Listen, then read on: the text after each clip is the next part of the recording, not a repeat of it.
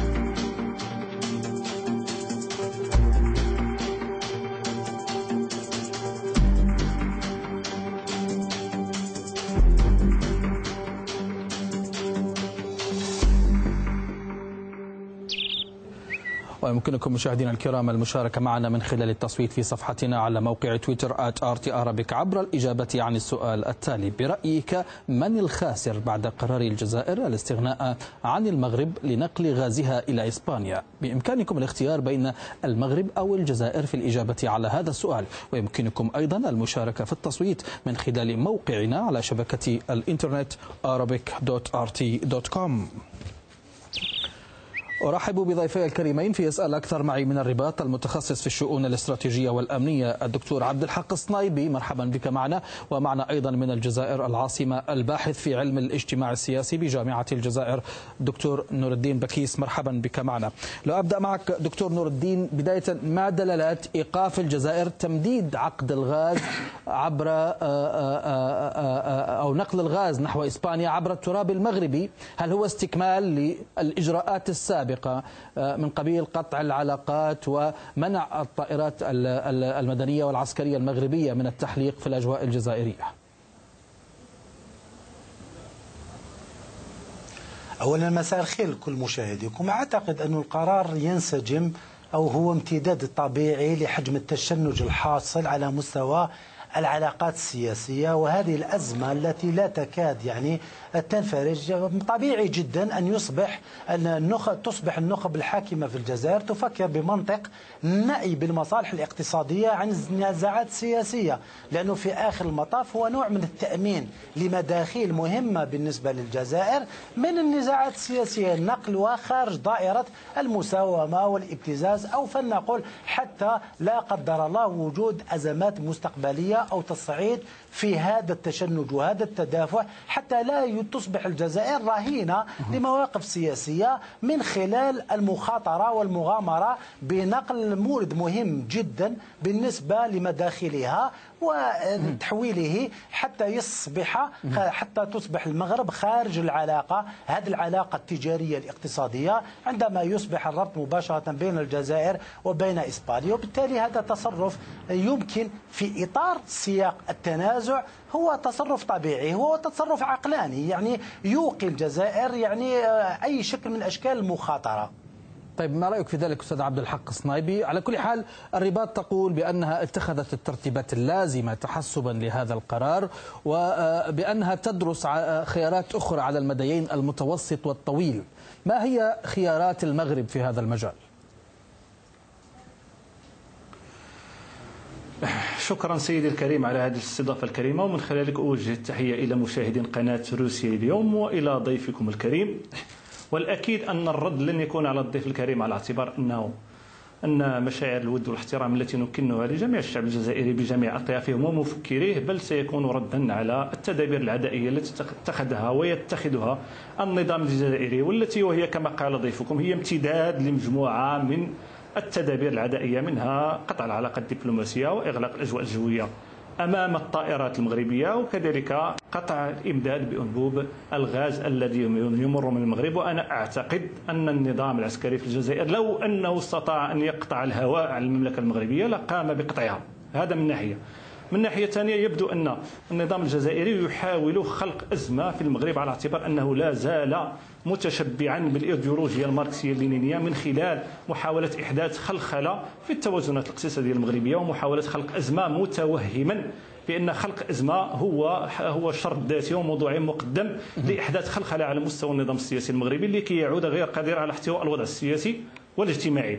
أمام هذا الوضع نجد بأن المغرب وكما عهدنا هو ديال المؤسسات ولا أدل على ذلك أن الرد على القرار ديال الجزائر لم يكن من طرف رأس الدولة ولكن من طرف المكاتب المكلفة بالمتابعة ديال مجال آه، الطاقة والهيدروكربورات وأيضا مجال الكهرباء والماء الصالح للشرب. وبالتالي أن المغرب يتعامل بنفس استراتيجي. وحينما نتحدث عن استراتيجية نتحدث على خطط عمليات موضوعة منذ سنوات طيب كيف وهي كيف سيدبر المغرب الأمر الآن التعديل والتوجيه التعديل وبالتالي هناك مجموعة من البدائل التي طرحها المغرب. ولا ادل على ذلك ان وأنت تعلم أن المغرب له مجموعة من الحلفاء الاستراتيجيين الذين يتعاملون المغرب كحليف استراتيجي موثوق به وهناك العديد من التدابير التي اتخذها المغرب ويتخذها في حينه والتي سنأتي على ذكرها في معرض المداخلات المقبلة إن شاء الله. على كل حال دكتور نور الدين بكيس أنت قلت بأن الجزائر تحترز من أن تجعل مورد اقتصادي مهم آه، في محل منازعات سياسية يعني لكن آه، آه، الرئاسة الجزائرية بيان الرئاسة الجزائرية برر هذه الخطوة قال بالممارسات العدائية التي تأتي من الجاره الغربية يعني في كل الأحوال رغم الخلافات السياسية التي كانت بين البلاد البلدين آه، امدادات الغاز كانت مستقرة ولم يحدث حولها أي جدل. يعني لم يكن هناك رغم الخلافات السياسية ما يهدد آه، امدادات الغاز عبر هذا الأنبوب. أعتقد أني عندما أسمع لضيفكم الكريم آه، وكأنه يتحدث عن دولة قوية دولة كبيرة دولة مؤسسات أنا أستغرب أين, ها أين هي هذه الدولة التي يتحدث عنها؟ نحن أقل شيء اليوم في الجزائر عندما عندما نعلم ونفكر ونجد أنه ضيف جارنا العزيز أمامنا يستقبل وزير خارجية الكيان الصهيوني ويطبع مع هذا الكيان الصهيوني ويبدي كل هذا الود.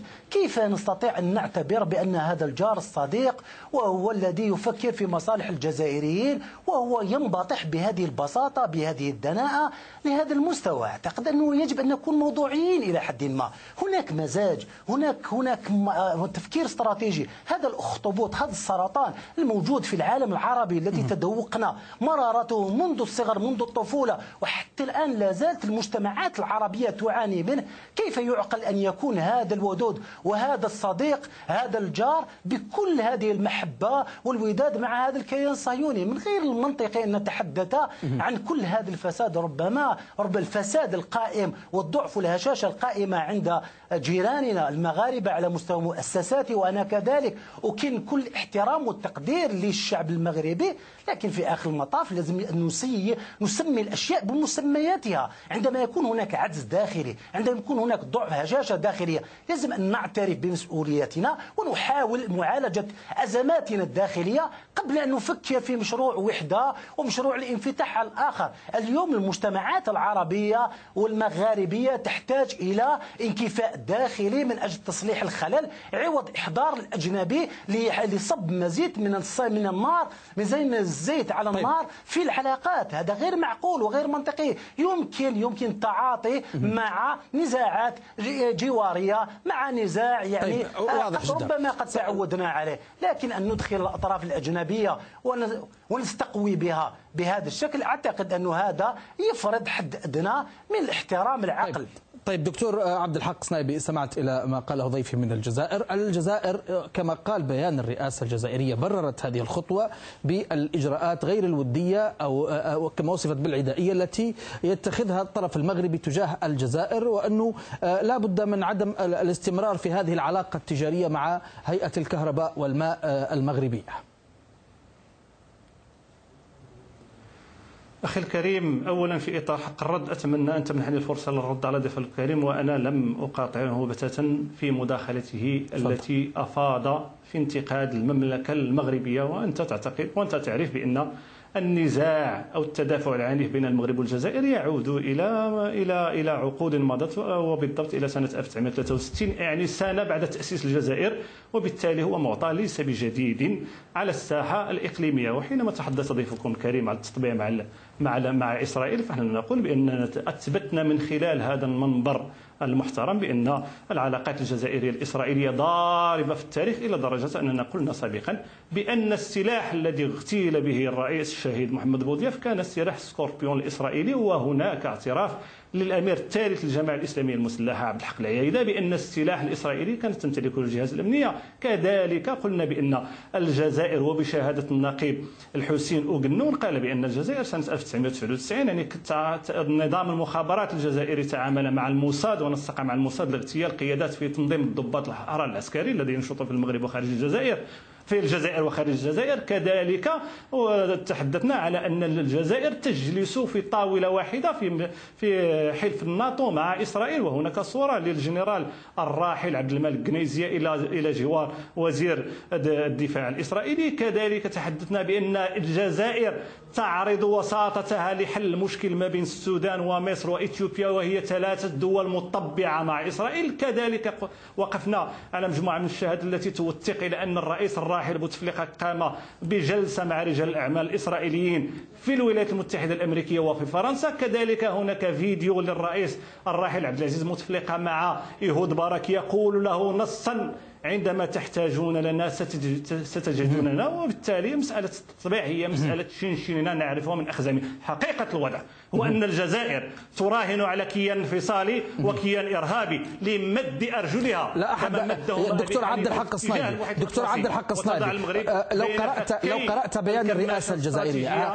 قضية لا أحد جاء على ذكر دكتور عبد الحق. دكتور من ورائكم والجزائر أه، أريد منك ردا واضحا فقط. يعني بيان الرئاسة الجزائرية قال الإجراءات غير الودية أو العدائية التي ينتهجها المغرب. لم يتحدث لا عن إسرائيل ولا عن غير إسرائيل. هناك إجراءات غير ودية تجاه الجزائر تتخذ من المملكة. سيدي الكريم أنا رديت على ضيفكم. أما بخرور ما قالته الرئاسة الجزائرية بأن التدابير الغير ودية من المغرب فهي تحدثت أن المغرب يدعم الانفصال في منطقة القبائل أو حق تقرير حق تقرير المصير لمنطقة القبائل وقالت بأن المغرب يدعم تنظيمات إرهابية وقالت مجموعة من الأمور التي تسير في هذا الاتجاه وكانت هناك نفي من طرف المغرب الذي لم يسبق له ان دعم يوما ما يعني أي تيار استقلالي. وما دام أن الجزائر تقول بأن المغرب يدعم كيانا إرهابيا في شخص يعني آه، حكومة المستق... حكومة المؤقتة لاستقلال القبائل فكان يعني بشكل أولى أن تقطع علاقتها مع فرنسا حيث توجد الحكومة المستقلة للقبائل وتم تأسيسها منذ سنة 2010 كان عليها أن تقطع علاقتها مع فرنسا التي لم تسلمها يعني الرئيس ديال الحكومة ديال القبائل. كان عليها أن تقطع علاقتها مع بريطانيا التي تأوي مجموعة من المعارضين الجزائريين هم بينهم يعني المعارض العربي زيتوت كان عليها أن تقطع علاقتها مع سويسرا التي التي تحتضن مراد هينا الذي تتهمه الجزائر بمحاولة إدخال أسلحة إلى الجزائر. وبالتالي نحن نقول بأن الجزائر لم تقطع علاقتها مع أي دولة من هذه الدول بل وتتعامل مع جميع الدول المطبعة لإسرائيل وعلى رأس الولايات المتحدة الأمريكية.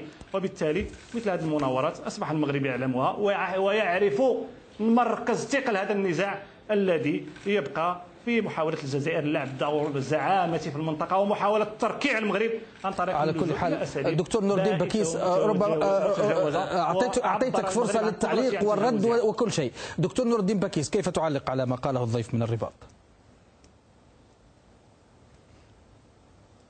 أعتقد أن الضيف من الرباط يحاول إخفاء الضعف الكبير والهشاشة التي يتسم بها النظام المغربي يحتضن لكل قوي. في كل مرة.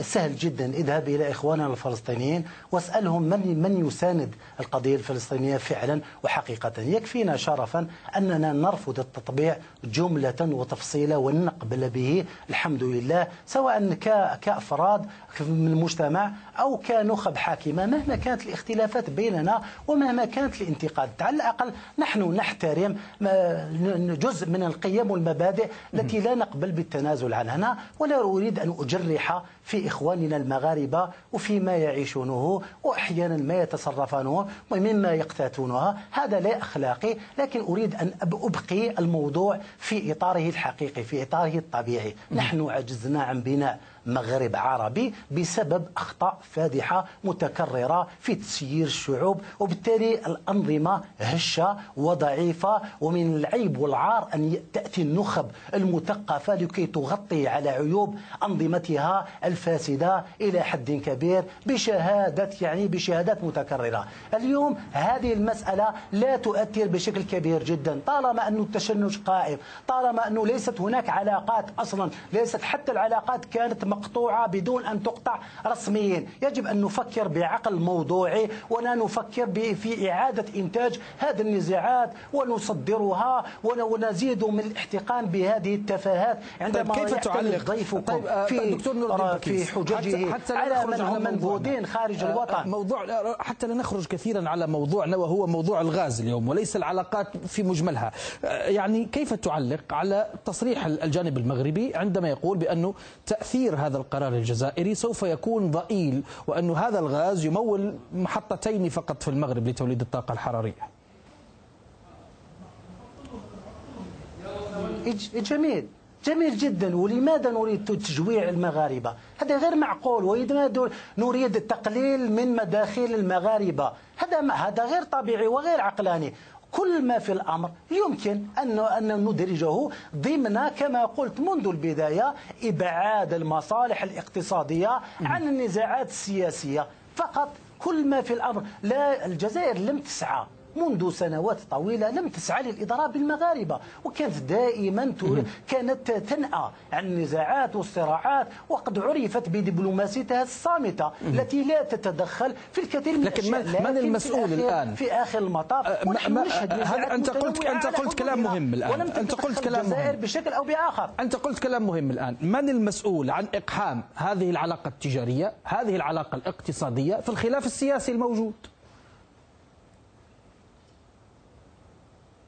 مثال بسيط مثال بسيط. كيف يعقل أن يتحدث ممثل الأمم المغرب في الأمم المتحدة عن ضرورة انفصال القبائل وهم جسم لا يتجزأ منا في داخل الوطن الجزائري داخل الجزائر. هذا غير معقول. كيف يعقل أن نقبل بمثل هذا الكلام في هذا الإطار الرسمي في هذا التجمع الدولي؟ وبالتالي ثم يتحدثون عن أنهم ليست لهم أي أهداف عدائية وإنما الجزائر هي التي تتحدث عن عن وهم العداء المغربي. أعتقد أن هناك الكثير من المؤشرات المؤشرات التي تؤكد بأن هناك تشنج هناك هناك عداء هناك محاولة من أجل ابتزاز الجزائر تشويه الجزائر الكثير من الأشياء التي لا تساعد. لو كان المغاربة فعلا يحبون الجزائريين لقالوا أنهم يمرون بظرف فيه تحول محاولة إعادة بعث الجزائر من جديد من أجل بناء مؤسسات حقيقية حقيقية ويريدون إصلاح الداخل الجزائري بعد الحراك الكبير الذي مرت به البلاد وأكدت استفاقة المجتمع الجزائري. لا نريد إحداث الرد الفعل العكسي هذا غير معقول. نحن نريد المغاربة أن يكونوا حرار أن يكونوا في أعلى مستويات الترقية والتنمية. لا نريد من المغاربة أن يكونوا في أهون الأوضاع التي تجعلهم يرتمون في أي حضن يستطيع أن يوفر لهم ربما دراهم معدودة أو نوع من الحماية التي عجزوا عن تحقيقها. على كل حال دكتور عبد الحق الصنايبي كيف تقرأ تصريحات المبعوث الجزائري الخاص للمغرب العربي والصحراء عمار بلاني الذي قال إن المغرب لم يكن في مستوى الطموح التاريخي والاستراتيجي الذي يمثله مشروع أنبوب الغاز الجزائري. قال أنهم خلال 25 سنة استفادوا من هذا الأنبوب وكانوا يأخذون حقوق العبور يعني آه، بدون أن يدفعوا أي شيء. اليوم الوضع اختلف بسبب قرارات خاطئة تجاه الجزائر. اولا سيدي الكريم أشكرك على حسن إدارة اللقاء وأتمنى أن تمنحني حق الرد على ضيفكم الكريم من الجزائر لأنه اتهم بلدي المغرب اتهامات خطيرة. يعني بالفساد ومجموعة من الأمور وبالتالي أنا أرد عليه أقول له بأن مهما كانت طبيعة المتحدث فعلى المستمع أن يكون عاقلا. من اتخذ القرار بقطع العلاقة الدبلوماسية؟ أليس الجزائر من اتخذ القرار بإغلاق المجال الجوي أمام الطائرات المغربية المدنية والعسكرية؟ أليس الجزائر من اتخذ القرار احاد الجانب بعدم تمديد أنبوب الغاز؟ أليس الجزائر بل حينما نتحدث عن الفساد الفساد هو حينما تكون عندك أغنى دولة في إفريقيا ومواطنوها الأشقاء يعني في طوابير طويلة وصلت إلى حدود مالي هذا هو الفساد بعينه الفساد هو حينما تساهم في قتل لكن لكن مليون لكن دكتور عبد الحق السوداء دكتور عبد الحق لكن هل هل إلى آه، إلى لو سمحت لي اتركني أتكلم آه، لو, لو سمحت لي آه، لو سمحت لي يعني أنا اناقشه واناقشك في أفكارك. أنا أعطيك الحرية لكن اسمح لي بأن أناقش. قال اننا شعب اسمح لي فقط. حتى حتى حتى نناقش الأفكار. لو سمحت. هو تحدث وناقشته في أفكاره وسألته فيما قال. وأناقشك أيضا. يتحدث عنها. بكل حياد وموضوعية. نناقش الم... نناقش الأفكار نناقش الأفكار بكل حياد وموضوعية. ف... فانت تعرف أنه الأزمة بدأت ب اسمح لي دكتور دكتور عبد الحق. دكتور عبد الحق. العربي لو تكرمت. اسمح لي فقط. المريخ أسألك سؤال وجاوب. جد جد متقدمة في حين أن الجزائر الذي نأسف لها لا زالت لا توفر لشعبها أبسط مقومات العيش الكريم. دعني أتكلم لو تكرمت. وبالتالي قلنا بأن النظام السياسي الجزائري يحاول تصدير الأزمة لأنه نظام فاقد للشرعية الانتخابية والمشروعية السياسية والانتخابات الأخيرة التي وقعت في الجزائر هناك مناطق طيب. مثل القبائل كانت فيها نسبة المشاركة أقل من 1% وأكبر نسبة مشاركة بالانتخابات الجزائرية كانت في منطقة تندوف حيث الانفصاليون هم من أصبحوا يمنحون الشرعية السياسية والمشروعية الانتخابية للنظام الجزائري قلنا بأن المغرب مارس حقه السيادي ويمارس حقه السيادي. وقال جلالة الملك محمد السادس لن لن لن يصلكم من المغرب أي شر أو أي مشاكل. وحينما تحدث عن ما تفضل به وما قاله من وما حدث في نيويورك؟ المتحدة هذا ما حدث في نيويورك. هل تعتبره خيرا أم شرا؟ الاطروحه الانفصالية. ما حدث في نيويورك؟ هل كانت المملكة المغربية يا سيد عبد الحق تقدر تقدر ما فعله السفير في نيويورك؟ هذا مندوب الجزائر أسد الدبلوماسية المغربية. عمر هلال بأن بنفس المنطق التي تدعم به الجزائر الأطروحة الانفصالية عن طريق عن طريق ما يعرف بأطروحة تقرير المصير يقول بأن من حق الشعب القبائل تقرير مصيره وخاصة وكما قلنا بأن شعب القبائل له تواجد مادي وسياسي حتى قبل التواجد المادي والسياسي للجزائر التي أنشأها الاستعمار الفرنسي على المقاص سنة 1962 وأن لفظة الجزائر لم تكن تطلق على الجزائر إلى سنة 1848 وبأن الحدود أو المناطق الجنوبية لم تضم من طرف فرنسا إلى سنة 1905 وبالتالي نحن نقول للجزائر أن ترفع يدها على هذا الكيان الانفصالي لكي نبدأ على كل جديدة. على وهي كل حال أنت قلت أنت قلت بأن المغرب لا علاقة له وعليهم أن يذهبوا لفرنسا. أنت قلت قبل قليل يا سيد عبد الحق بأن المغرب لا علاقة له بهذا الموضوع وعليهم أن يذهبوا لفرنسا فيها فرحات مهني فليقطعوا العلاقة معها. أنت قلت هذا قبل قليل. لكن بالنهاية دكتور نور الدين نعم. بكيس آه، آه، آه، بالنهاية هذا الموضوع موضوع الغاز ما هي البدائل بالنسبة للجزائر ألم تخسر الجزائر سوقا في الجارة الغربية. كيف ستلبي الجزائر آه، واردات الغاز نحو إسبانيا في المستقبل خاصة وأن أنبوب ميد غاز ينقل آه، حسب الأرقام المعلنة تقريبا ثمانية مليارات آه، متر مكعب والحاجة تصل إلى عشرة مليارات نحو إسبانيا. أعتقد أن هذا ليس مشكل مهم ويمكن تجاوزه بكل سهولة. ليست هناك مشاكل بهذه الحدة لكن انعكاساتها السياسية هي التي تشوش. التشويش يأتي عندما يكون لديك جار أمامك ربما يتربص بك ويريد الإضرار بك وللأسف الشديد أن ضيفكم لا يعترف بالنقص وبالهشاشة وبالضعف الداخلي الذي يعيش فيه وتحياه يكفينا شرفا أن منطقة القبائل هي جزء من الجزائر تتدافع سياسيا ولم تفكر يوما في الانفصال. نحن كجسم كمجتمع جزائري نريد أن نصحح الأخطاء والخلل ولا نريد أن نرتكل لأي كان نحن لا نؤمن بأن مصيرنا الداخلي يرتبط بقدرتنا على التدافع الداخلي دون إدخال أجنبي ودون الخضوع لأي كان. وهذا مكسب للجزائريين. نوفمبر اليوم نحن في أول نوفمبر وهي ذكرى عزيزة علينا. آه، مات في في نوفمبر ألف مليون ونصف من الشهيد من الجزائريين. يعني آه، ربطوا رباطا قوي بدماء الجزائريين وحدة الجزائر. ولا أعتقد أن هناك أدنى أدنى. يعني ربما احتمال بسيط جدا لإمكانية أي شكل من أشكال على ماذا تراهن الجزائر نور الدين أرجو من ضيفكم الكريم أن يتجاوز هذه الجزئية. هذا مهم جدا على ماذا تراهن الجزائر؟ فقط سؤال لو سمحت. أوطانا.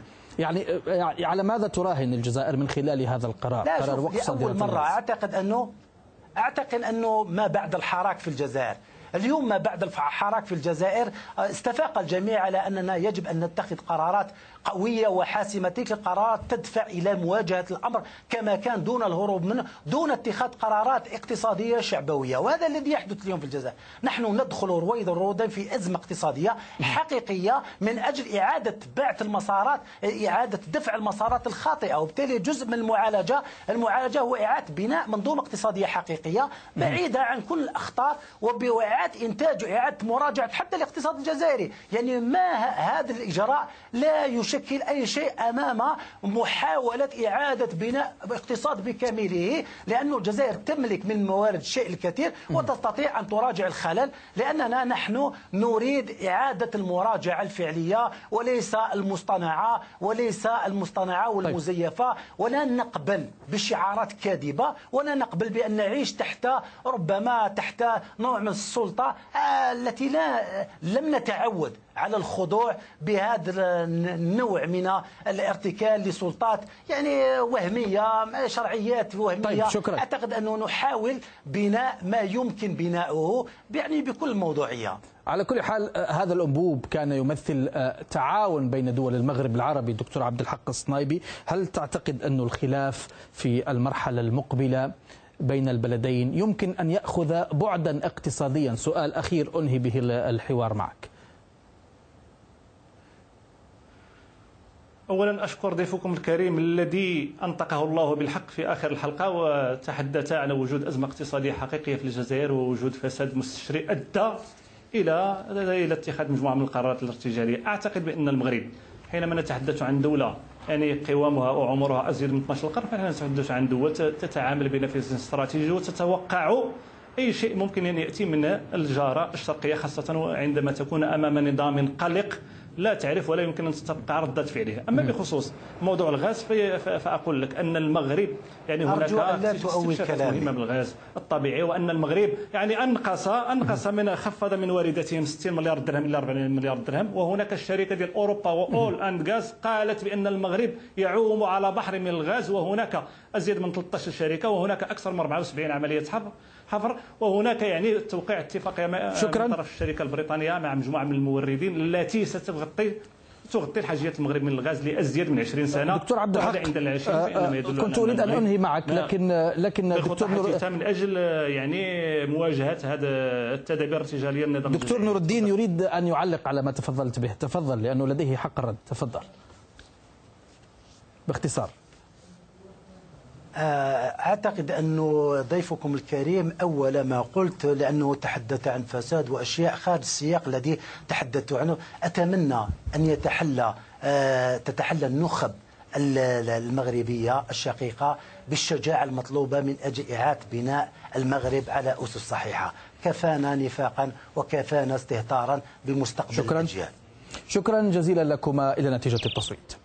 برأيك من الخاسر بعد قرار الجزائر الاستغناء عن المغرب لنقل غازها إلى إسبانيا؟ الذين اختاروا المغرب 76.3% الذين اختاروا الجزائر 23.7% التصويت متواصل في موقعنا على شبكة الإنترنت arabic.rt.com بإمكانكم أنتم أيضا المشاركة معنا.